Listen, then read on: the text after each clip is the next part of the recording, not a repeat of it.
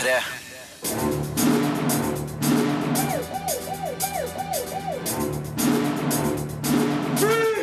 Filmpolitiet! What's your name, dude? Birger Vestmo. What kind of stupid name is that? Superheltfilmen Deadpool er morsom og bitende sjangersatire. HBO-serien Vinyl er et engasjerende og storslått musikkdrama. Unravel er en vakker spillperle som fikk Filmpolitiets anmelder til å grine. Birkebeinerne er et snøfylt actioneventyr basert på norgeshistorie. Regissør Nils Gaup avslører Veiviseren-referansene i filmen, mens Kristoffer Hivju forteller om sin Birkebeiner-bromance med Jakob Oftebro.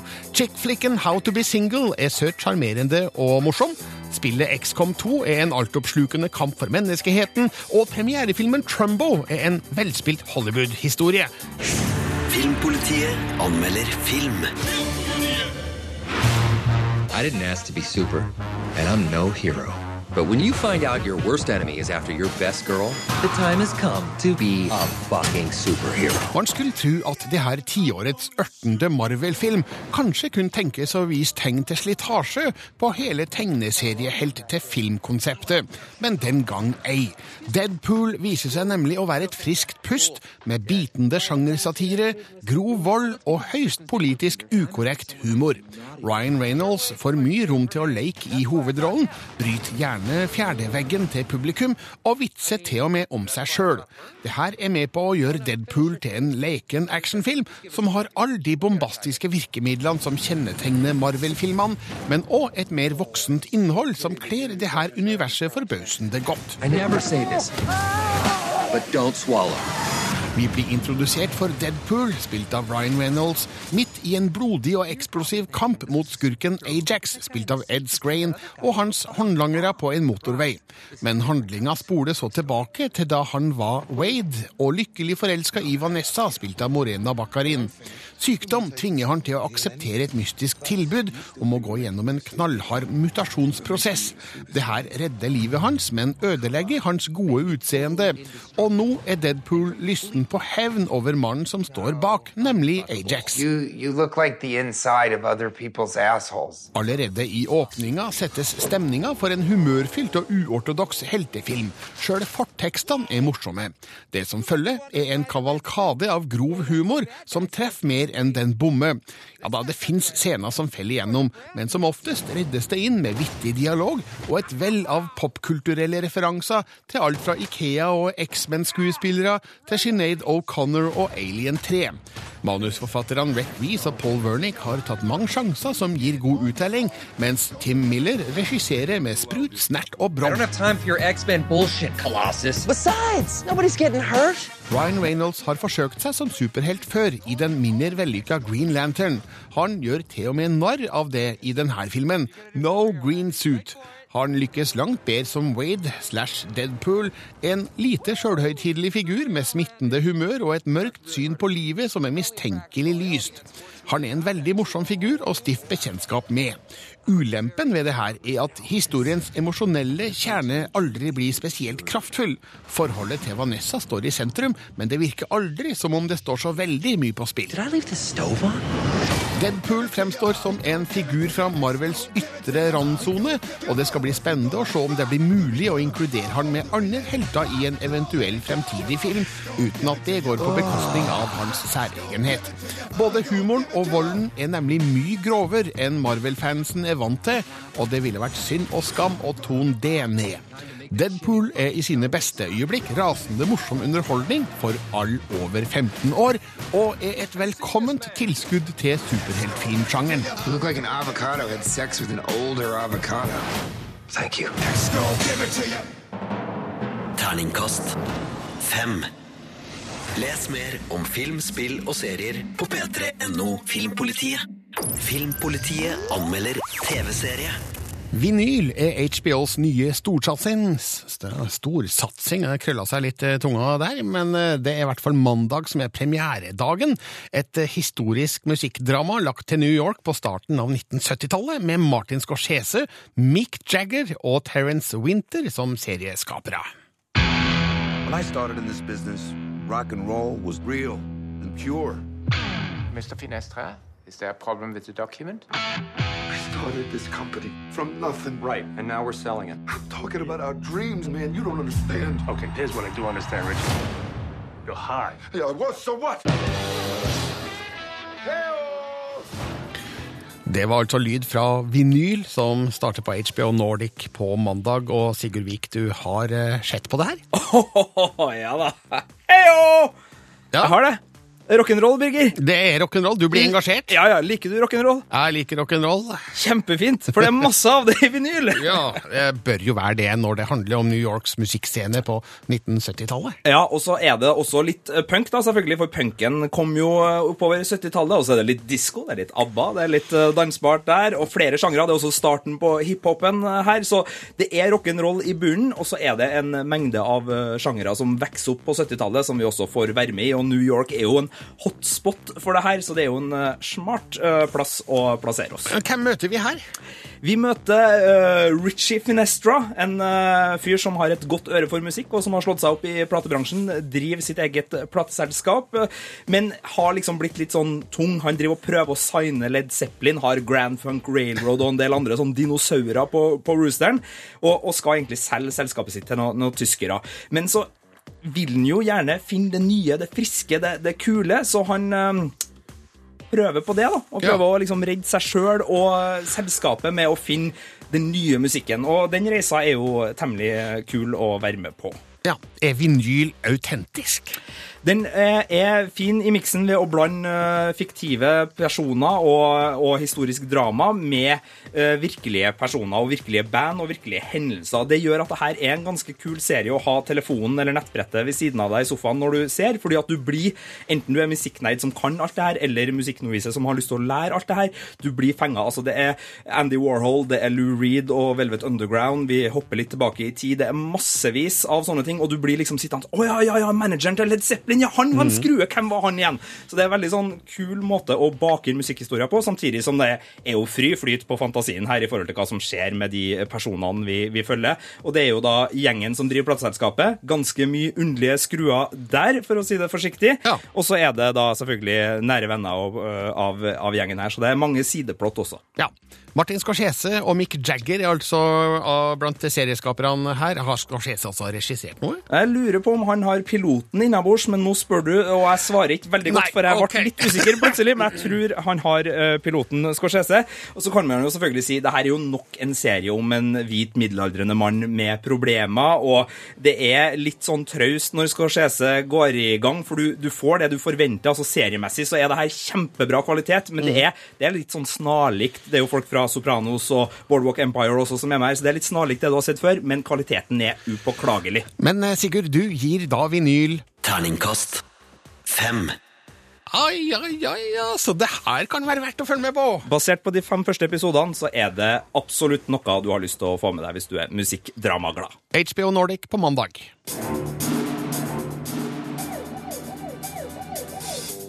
Da Martin Salin fra det svenske spillstudioet Coldwood Interactive presenterte spillet Unravel på messa E3 i fjor, var det lett å se at han virkelig elska spillet han hadde laga.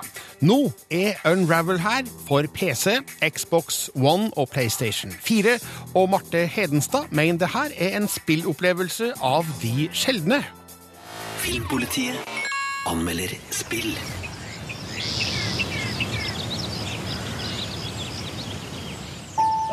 At det svenskutviklede puzzle-plattformspillet Unravel er laga med kjærlighet, er lett å se. Spillet, som er en vakker og følelseslada historie, er en helt spesiell spillopplevelse. Unravel begynner hjemme i stua hos en gammel dame. En stue som er full av krimskrams og gamle bilder. Når bestemoren går opp for kvelden, detter et garnnøste ut av strikkekurven hennes. Jarni blir født. Som den lille røde figuren laget av garn legger du ut på eventyr. Spillets skjønnhet var det første som slo meg da det begynte. Jeg ble nesten slått i bakken av hvor nydelig spillverdenen var. Skinnet fra solen som leker på vannet, bladene som blafrer i vinden, mosen som rører seg når Jarni går forbi. Den enorme detaljrikheten er det flotteste jeg har sett i et spill noen gang. Det er verdt å spille Unravel for dette alene, men i tillegg vekker spillet en sterk lengsel etter den lykkelige barndomstiden i meg. Godt hjulpet av et nydelig lydspor hviler det en følelse av melankoli og vemod over spillet som treffer meg dypt i sjela.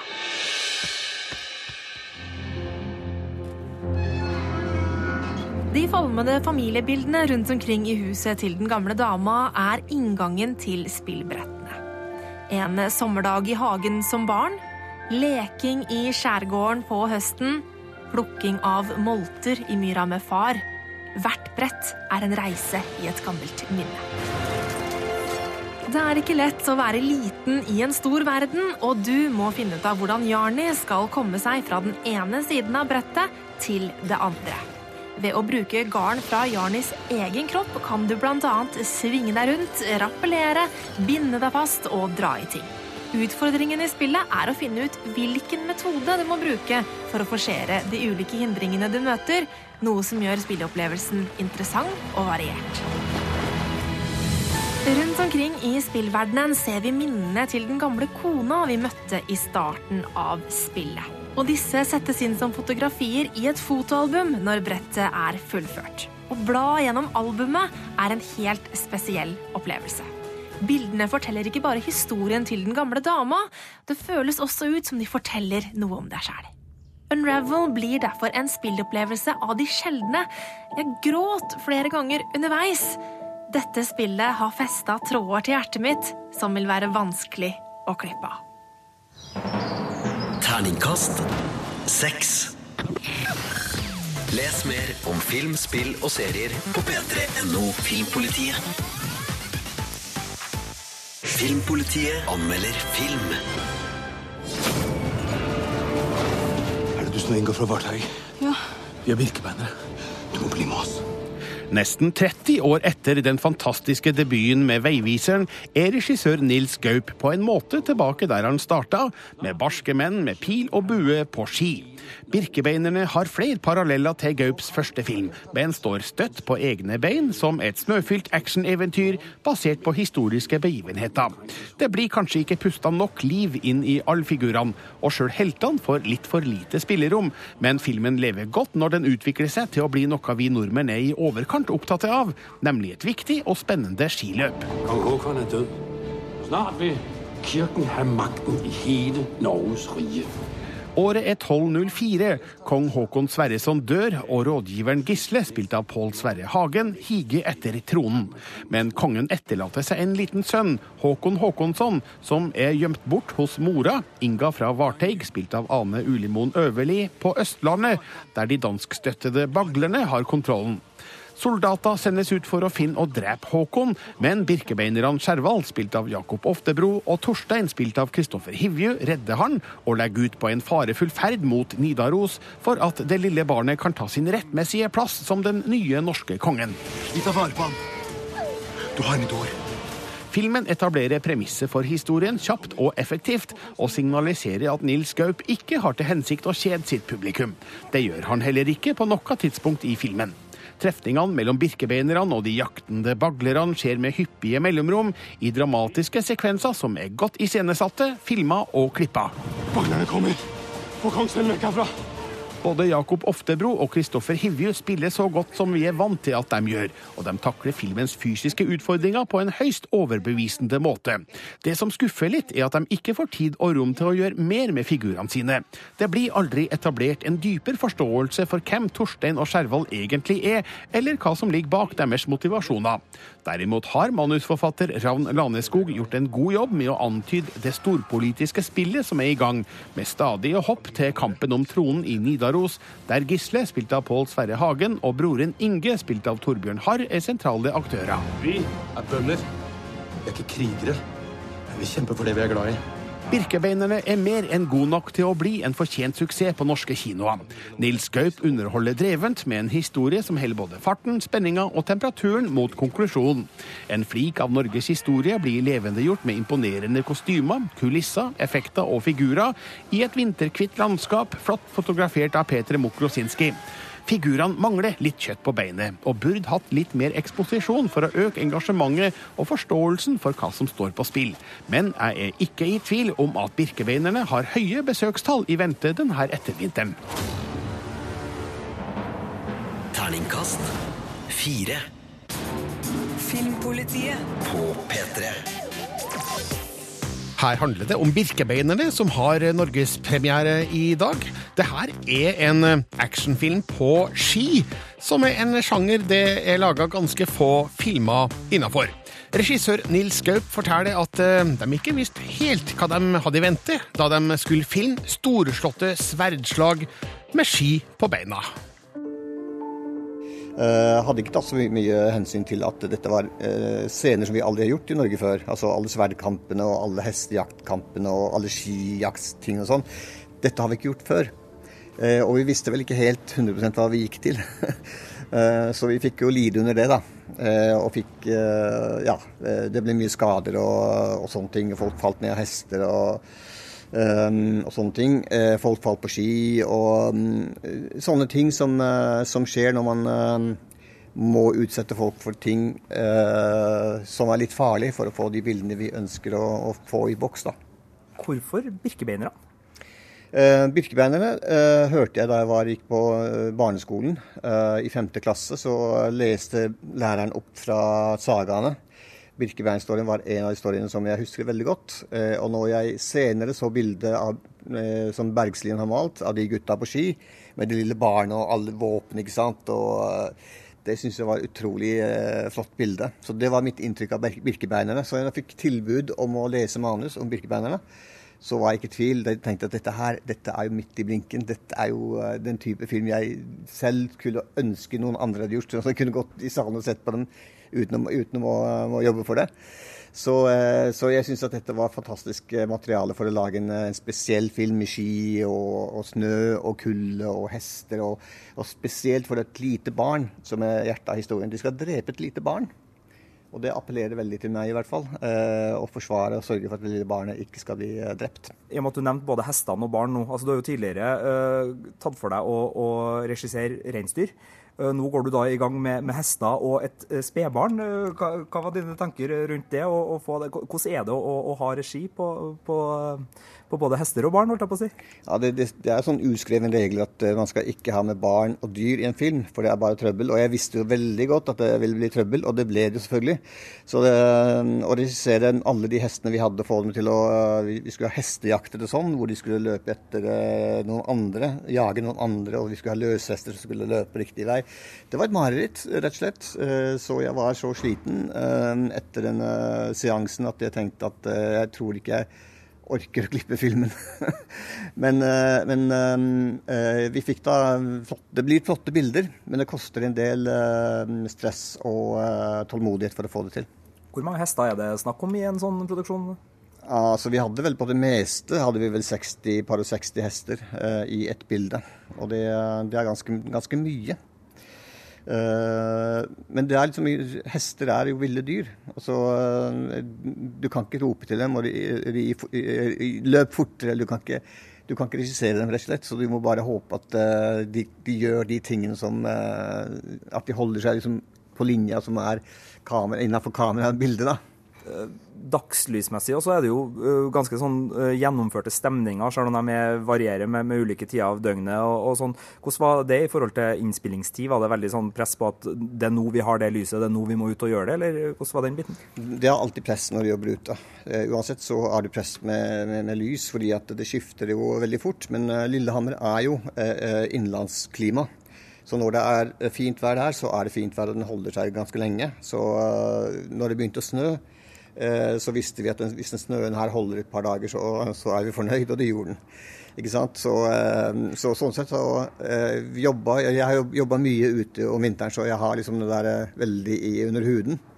Så jeg vet at OK, nå har vi det været, den kommer til å holde seg i to dager. Da vet jeg hvor lang tid jeg har til å utnytte det. Så en viss erfaring er godt å ha der. Så da flytter man de tingene hvor det skal være snø, og fyrer av det i samme perioden.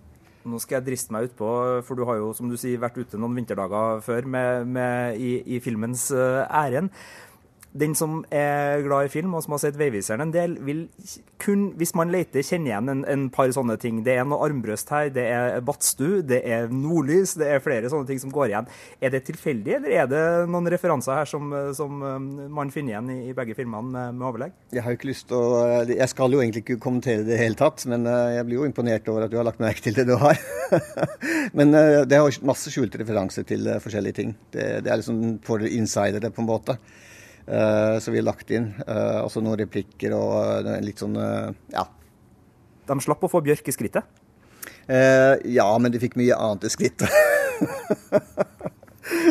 så vi var vel Jeg tror jo aldri vi har vært så slemme med noen som skiløperne i denne filmen her. De fikk virkelig gjennomgå. og det har jo saken er at vi er, de, vi er de beste i verden på ski.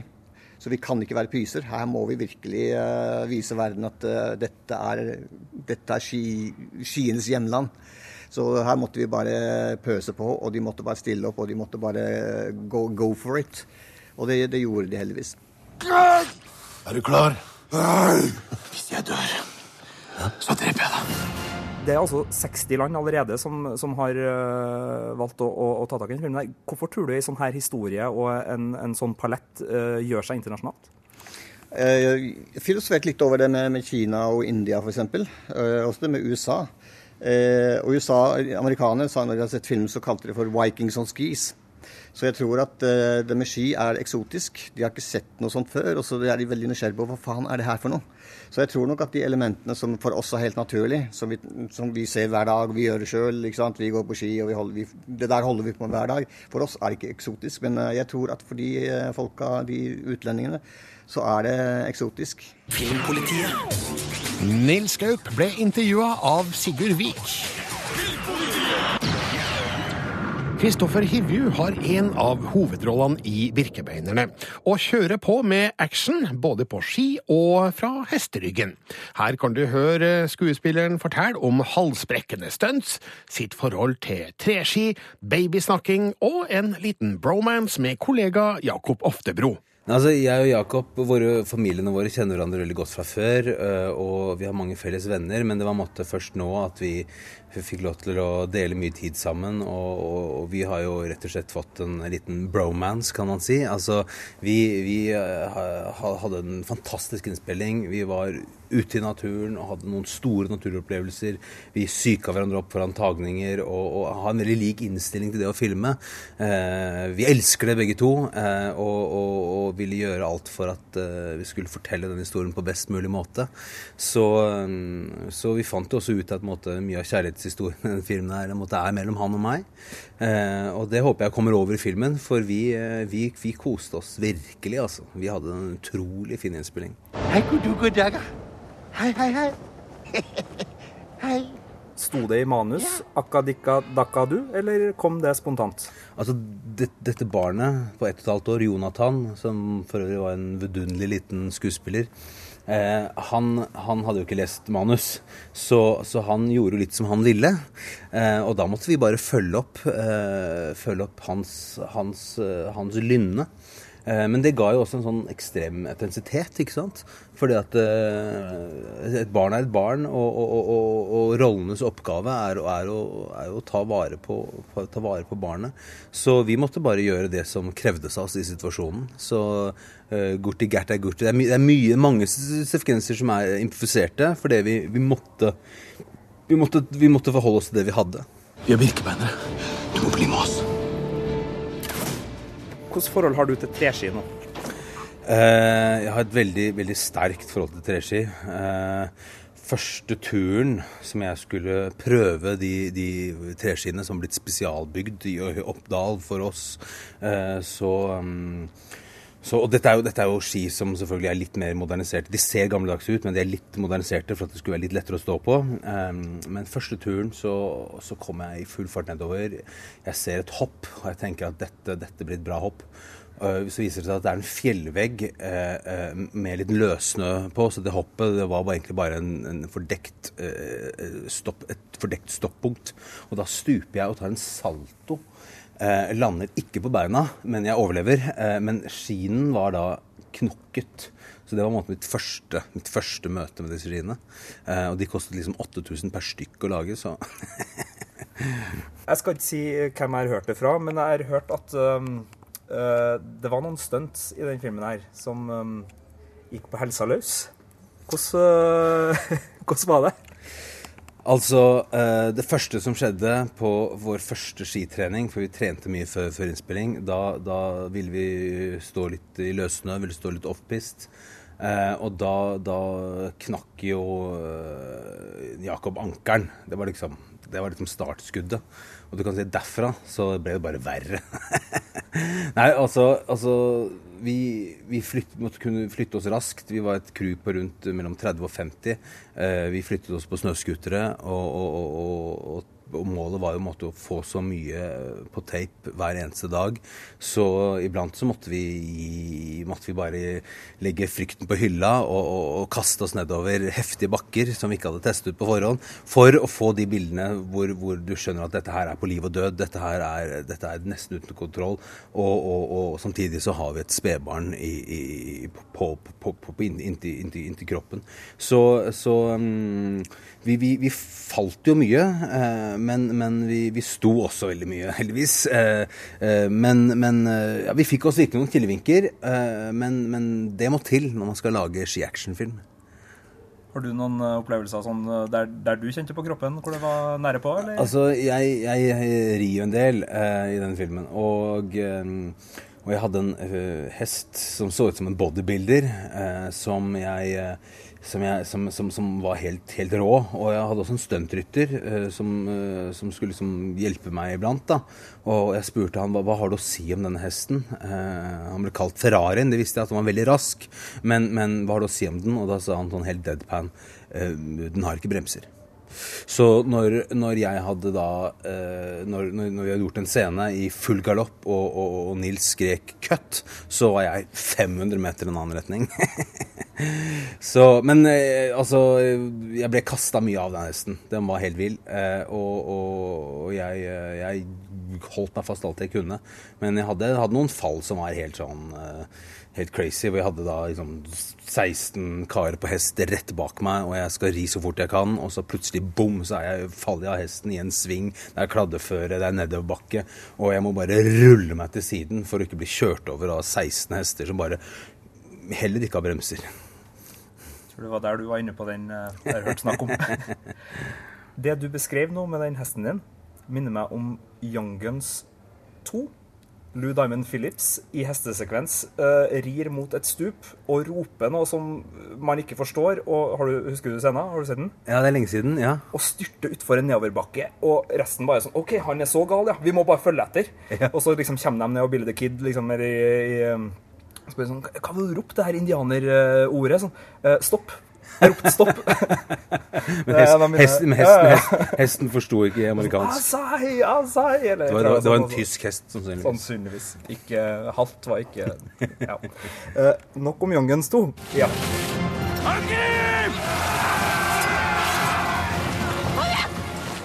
Du er jo uh, godt vant med øksa, ser det ut som, i, i, i denne sekvensen. Og det er jo en del actionsekvenser her. Hvordan er det i forhold til norsk film kontra sånn som det er på, på Game of Thrones-settet der, i forhold til, til actionsekvenser og actionregi? Er det noen noe forskjeller? Altså Forskjellen er jo at uh, når man er på større produksjoner, så er, er, er jo måte så har man mer tid, eh, og man har en, eh, man, det er mer fokus på sikkerhet. Eh, og, og, og, der vinner man noe, og der kan man ta, også tape noe. Så, så med oss så har vi jo som sagt bare klin til og kaste oss nedfor fjell og opp på hester og inn i slag. Så forberedelsene er også litt kortere her, men, men, men, men det skal jo se like bra ut. Så da er det jo bare å gi alt. Filmpolitiet på P3. Vi skal fra Kristoffer Hivju til Ane Ulimoen Øverli, som gjør sin spillefilmdebut med Birkebeinerne i rollen som Inga fra Varteig, mor til Håkon Håkonsson.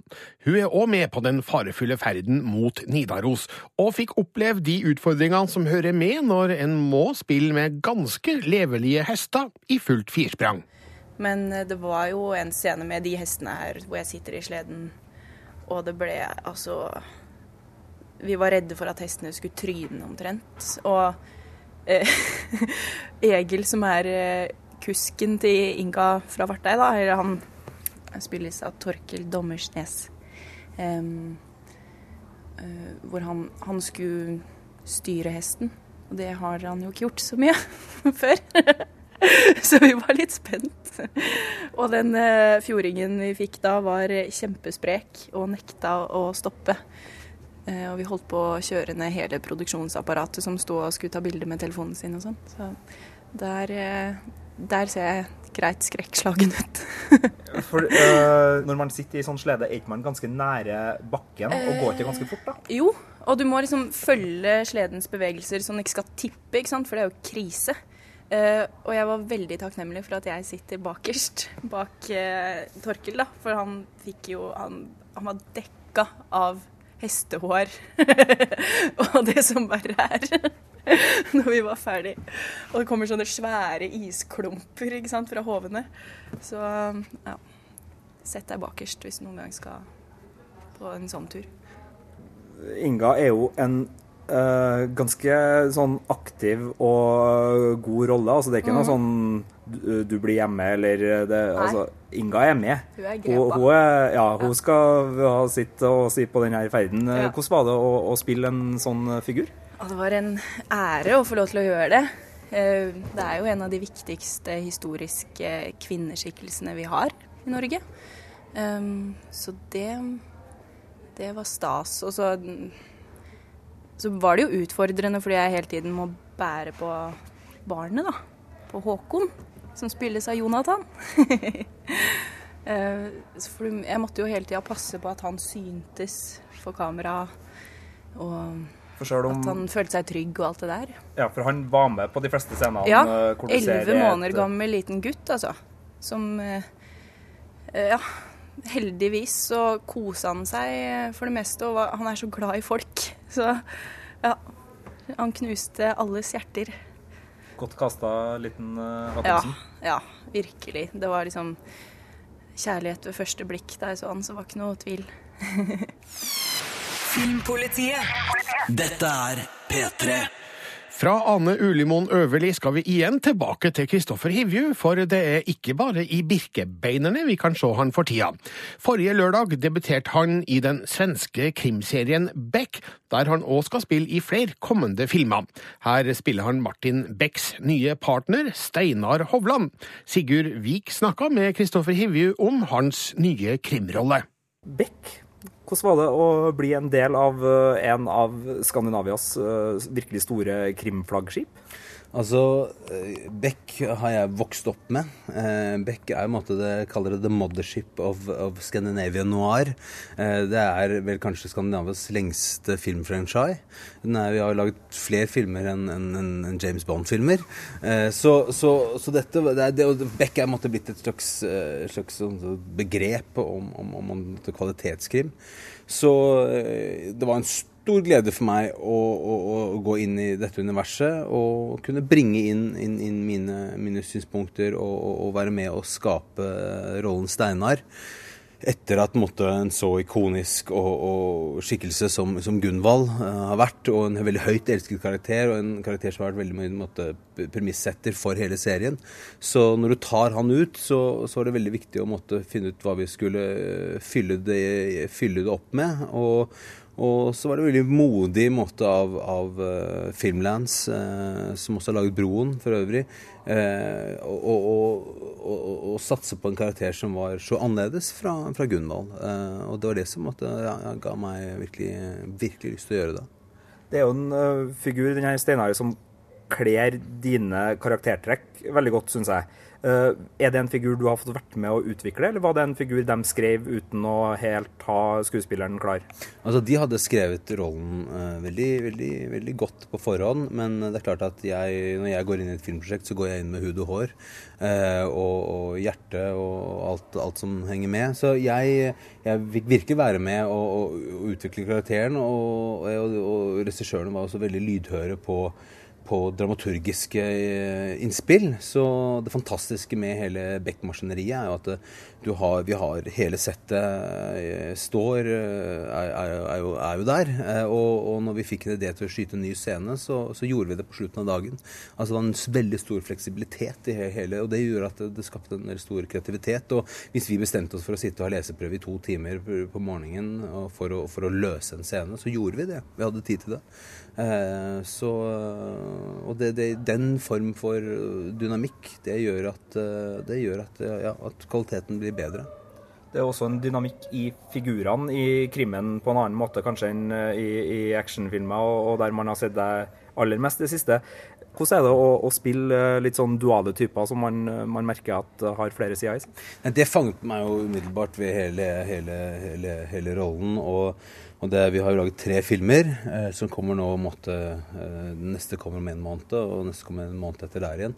Eh, hvor, hvor, måtte, hvor, vi følger måtte, også hans måtte, personlige eh, storyline. Eh, og, men det, det, altså, det, som fascinerer meg med Beck, og som jeg syns gjør at den, den, løfter seg liksom ut av den rene krimsjangeren, er at eh, du får en, en, ganske stor forståelse for menneskene som begår forbrytelsene, eh, og, og, og, hvilke beveggrunner de har hatt for å gjøre det. På samme måte som du får et innblikk i, i det personlige livet til etterforskerne. Eh, så jeg syns på mange måter at, eh, at, det, en, at det er en veldig sånn, liksom, litt sånn empatisk eh, innfallsvinkel, hvor ikke du har bare bad guys og good guys, men, men alle er litt av hvert. Eh, og ja, og det gir en slags, uh, gir en slags dybde og, og, og, en, uh, og, en, slags filosofi hvor, hvor, hvor, det, hvor, det, er ikke nødvendigvis menneskene som er slemme, og det er grunnen til at de blir forbrytere, men at det er måte, situasjonen de er satt i, og, samfunnet de lever i. Altså det er en slags det, det, er, ja, det er en slags mye mer realistisk bilde da, på hvordan verden foregår det er jo en institusjon her, altså, den har vart i, i snart 20 år i, i, Sverige, og du spiller jo mot øh, roller som på en måte har blitt så husvarme at man nesten kan referere til dem. altså Balkonglivet til, til Beck og, og naboen og, og, sånne ting. Hvordan er det å tre inn i det universet som har så lange røtter tilbake, og som har vært liksom fiksjons... Øh, eh, kos for så mange så lenge? Nei, altså det er litt, jeg hadde litt sånn samme følelsen som første gang jeg kom på Game of Thrones-settet og, og, plutselig møter møter disse karakterene i, i levende livet eh, og spiser Haribo med dem i, i teltet etterpå. Eh, det var måtte, altså Beck var jo, var jo, Martin, eller Peter Haber, jo, som spiller Beck, var jo yngre enn meg når han gjorde sin første film. Eh, så det har jo som sagt levd med dette universet lenge. Nei, det var Altså, det er litt sånn magisk, da. Det er litt sånn eh, For en, for en filmentusiast som meg, så er det litt sånn Det er litt sånn klipse armen-ting. Men så er du inne i det og, og går i gang med arbeidet, og da handler alt om å, om å ja, bidra med alt du har å by på. Det sa Kristoffer Hivju, aktuell både som Steinar Hovland i Beck og som Torstein Skevla, eller Skjevla, litt usikker på uttalen der, i filmen Birkebeinerne. Intervjuet ble gjort av Sigurd Vik. Filmpolitiet. Filmpolitiet. Les mer om film, spill og serier på p3.no Filmpolitiet. Og da skal filmpolitiets Marte Hedenstad felle dommen over premierefilmen How to be single. Filmpolitiet anmelder film. I'm going home. I know breaking up sucks, but you know what's even worse? Wasting a night in New York City. Give it to me, I'm How to be single forteller historien om fire single jenter. Alice, Meg, Robin og Lucy. Dette er en søt, morsom og sjarmerende film om å finne ut av hvem man er utenfor et forhold. Hey, what's up, y'all? I don't know why I just said y'all. Hovedrollen Alice, spilt av Dakota Johnson, kjent fra Fifty Shades of Grey, er en typisk kjærestejente som alltid har gått fra det ene forholdet til det andre. Men når hun er ferdig på college, vil hun ta en pause fra kjæresten hun har hatt de fire siste åra, for å finne ut av hvem Alice egentlig er. Like. Rebel Wilson, du vet hun frodige australske fra Pitch Perfect, spiller den voldsomme og skandaløse Robin, Alice sin nye bestevenn. Som bestemmer seg for å hjelpe den nysingle jenta med å forstå singellivet i New York. That stuff is for babies. Babies with hangovers. Are we good? Dakota Johnson er sjarmerende i rollen som den litt usikre, men samtidig modige Alice. Fordi hun virker så ekte, er det også lett å relatere seg til henne. Johnson har et herlig glimt i øya som kommer godt med i filmens komiske øyeblikk, men har også en fin sårbarhet som er kledelig i scenene med mer substans. Okay, you haven't been single for that long. Yeah. You gotta go around the board. Pass go, collect 200. Ved å porsjonere ut mindre doser av den voldsomme Rebel Wilson her og der, får filmen en passe mengde helsprø komikk og vulgære utbrudd, uten å bli for slitsom. Aller best er Wilson i scenene som helt tydelig har improviserte elementer, som f.eks. ordbruken når Robin kritiserer Alice for å ha LTRP, Long Term Relationship Pussy. Close your legs. There's a reason I stopped watching Duck Dynasty. Is that Tom Hanks from Castaway? Denne typen humor er alt annet enn ny, men det trenger ikke være nytt for å være morsomt, og det er How to be single absolutt. Moralen i visa er heller ikke ny. Du må lære å kjenne deg selv og elske deg selv før du kan elske andre. Men i en verden stappfull av klissete romantiske komedier føles How to be single likevel som et friskt pust. I hvert fall litt. Seriously, it's like Gandalf is staring right at me. No penis shall pass. Terningkast fire. Les mer om film, spill og serier på p3.no Filmpolitiet. Filmpolitiet anmelder film.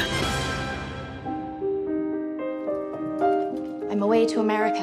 My sister Rose arranged it. I can't buy you a future. I can't buy you the kind of life you need. But you'll come see me there one day. Yes. Jeg innrømmer det like gjerne først som sist. Jeg har stor sans for Saoirse Ronan. Hun slo igjennom som 13-åring i Om forlatelse, eller Atonement, i 2007. I Brooklyn får hun vist hvordan hun har videreutvikla talentet for uttrykksfullt spill. Her møter vi en figur vi føler umiddelbar sympati for. Regissør John Crowley har laga en nydelig film som velter seg i nostalgisk 1950-tallsestetikk, og med litt glansa og bittersøt kjærlighetsproblematikk. Brooklyn er en varm og vakker film om håp, lengsel og skjebner på hver side av Atlanterhavet. Eilish, spilt av Saoirse Ronan, forlater mor, søster og en tom tilværelse i Irland og emigrerer til Amerika i 1951. Der bruker hun mye tid på å finne seg til rette i nye omgivelser og en ny jobb, samtidig som hun sliter med kraftig hjemlengsel. Det bor mange andre irske immigranter i Brooklyn, men det er italienske Tony, spilt av Emory Cohen, som skal få Eilish til å føle at Amerika kanskje kan bli hennes hjem på ordentlig. Avstanden til mor og søster i Irland skal imidlertid bli problematisk på flere måter. Dear Eilish, it's hard for me to believe that you're reading this thousands of miles across the. Det er lett å få sympati for Eilish sin reise og kamp for tilværelsen. Kanskje skyldes det Saoirse Ronan, som med sitt vinnende vesen gjør mye ut av seg, uten å egentlig gjøre så mye. Hun formidler den unge kvinnens indre kamp med avmålt og beherska spill i en flott rolle. Samspillet med bl.a. Emory Cohen som Tony og Julie Walters som husfrua i pensjonatet som Eilish bor i, er varmt og hjertelig. Det er òg deilig å oppleve en film uten overdrevne konflikter. Nick Hornbys manus lar problemstillingene utspilles på en naturlig og avdempa måte, uten at det overhodet går ut over nivået på dramatikken. We need Irish girls in Brooklyn. I wish that I could stop feeling that I want to be an Irish girl in Ireland.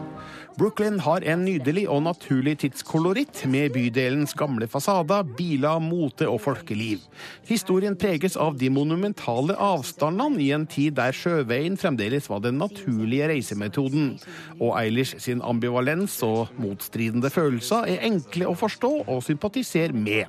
Filmen fremkaller en deilig klump i halsen fordi den forteller en følelseslada og bittersøt historie som til enhver tid holder seg på den riktige sida av klisjéstreken. Og bare for å ha sagt det en gang til, Saoirse Ronan er vidunderlig i Brooklyn. Hello, Mommy? Everyone's gone, Eilish. I have nobody. Terningkast fem. Filmpolitiet anmelder spill. The world you once knew is no more. Earth is now ruled by the Advent Coalition and their alien masters. For decades, we have operated in the shadows. Now that we have recovered our greatest weapon, the time has come to reclaim our world. XCOM 2 er ut for PC, et strategispill som er om den siste desperate kampen for menneskeheten. Intet mindre. Og spillanmelder Rune Haakonsen, du har testa XCOM 2. Og, og la meg slå en ting fast med en gang. Dette er et veldig, veldig bra spill. Og jeg har altså sittet bøyd over dataen, revet meg i håret og grått bitre tårer over soldatene som har falt i kampen. Åh, Birger, det her er stort, altså. Ja, men Du må fortelle hvordan XCOM 2 funker, for, for på bildene så ser det litt sånn gammeldags ut, kanskje? Ja, og dette her er jo en, et spill, eh, nummer to da, i en reboot av en eh, spillserie som først ble stor på 90-tallet. Og mye av de grunnleggende elementene fra, fra 90-tallet er fortsatt med. Det er turbasert, altså man gjør ting i rekkefølge og flytter figurene sine rundt og angriper på tur. Eh, I fugleperspektiv, så at eh, man kan jo nesten se for seg et sjakkbrett ovenfra hvis man vil.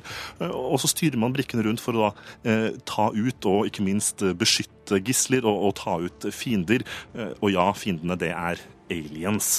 I tillegg da, som jeg legger til at det er et sånt overspill her hvor du styrer eh, et, eh, en, en, en motstandsbevegelse på verdenskartet og kan gjøre ulike oppdrag og bygge ut ressurser og baser for å, for å, for å styrke kampen, da, motstandskampen mot uh, the alien overlords som har kommet for å ta over jorda.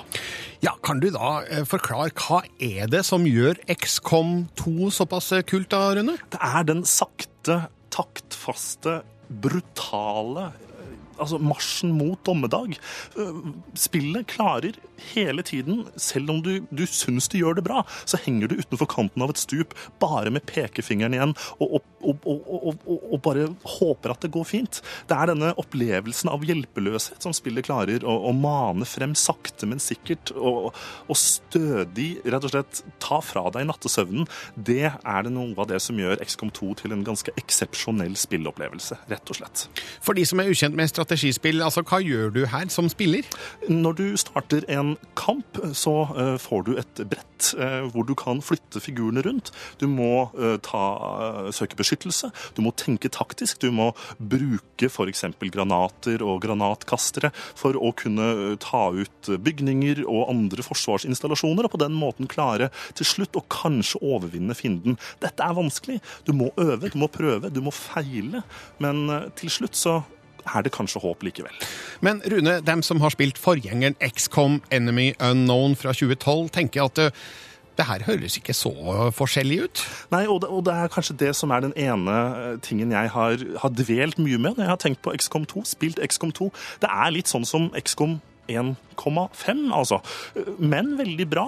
Det er polert. Det er teknisk veldig få problemer. Det ser pent ut også, selv om det på en måte har mye av det gamle og tradisjonelle ved seg. Men men, men, men, det er ikke så mange store nyvinninger. Det er rett og slett en, en forbedring av det som er vært. Eh, og, og, ja, det er bra, men det gjør også at eh, jeg ser noe potensial som, som, ikke er realisert her, og som gjør at kanskje spillet ikke heller klarer å fortelle sin hovedhistorie på en like kraftfull måte som det kunne gjort. Det håper jeg at vi kan få se i fremtiden, men, men det gjør nok at XCOM 1,5 hadde kanskje vært et bedre navn. Men likevel, Rune Håkonsen, du gir Terningkast fem. Så det kan ikke være helt ille, da. Å nei da. Happy gaming i helga, Rune. Åh, Gjett om, da.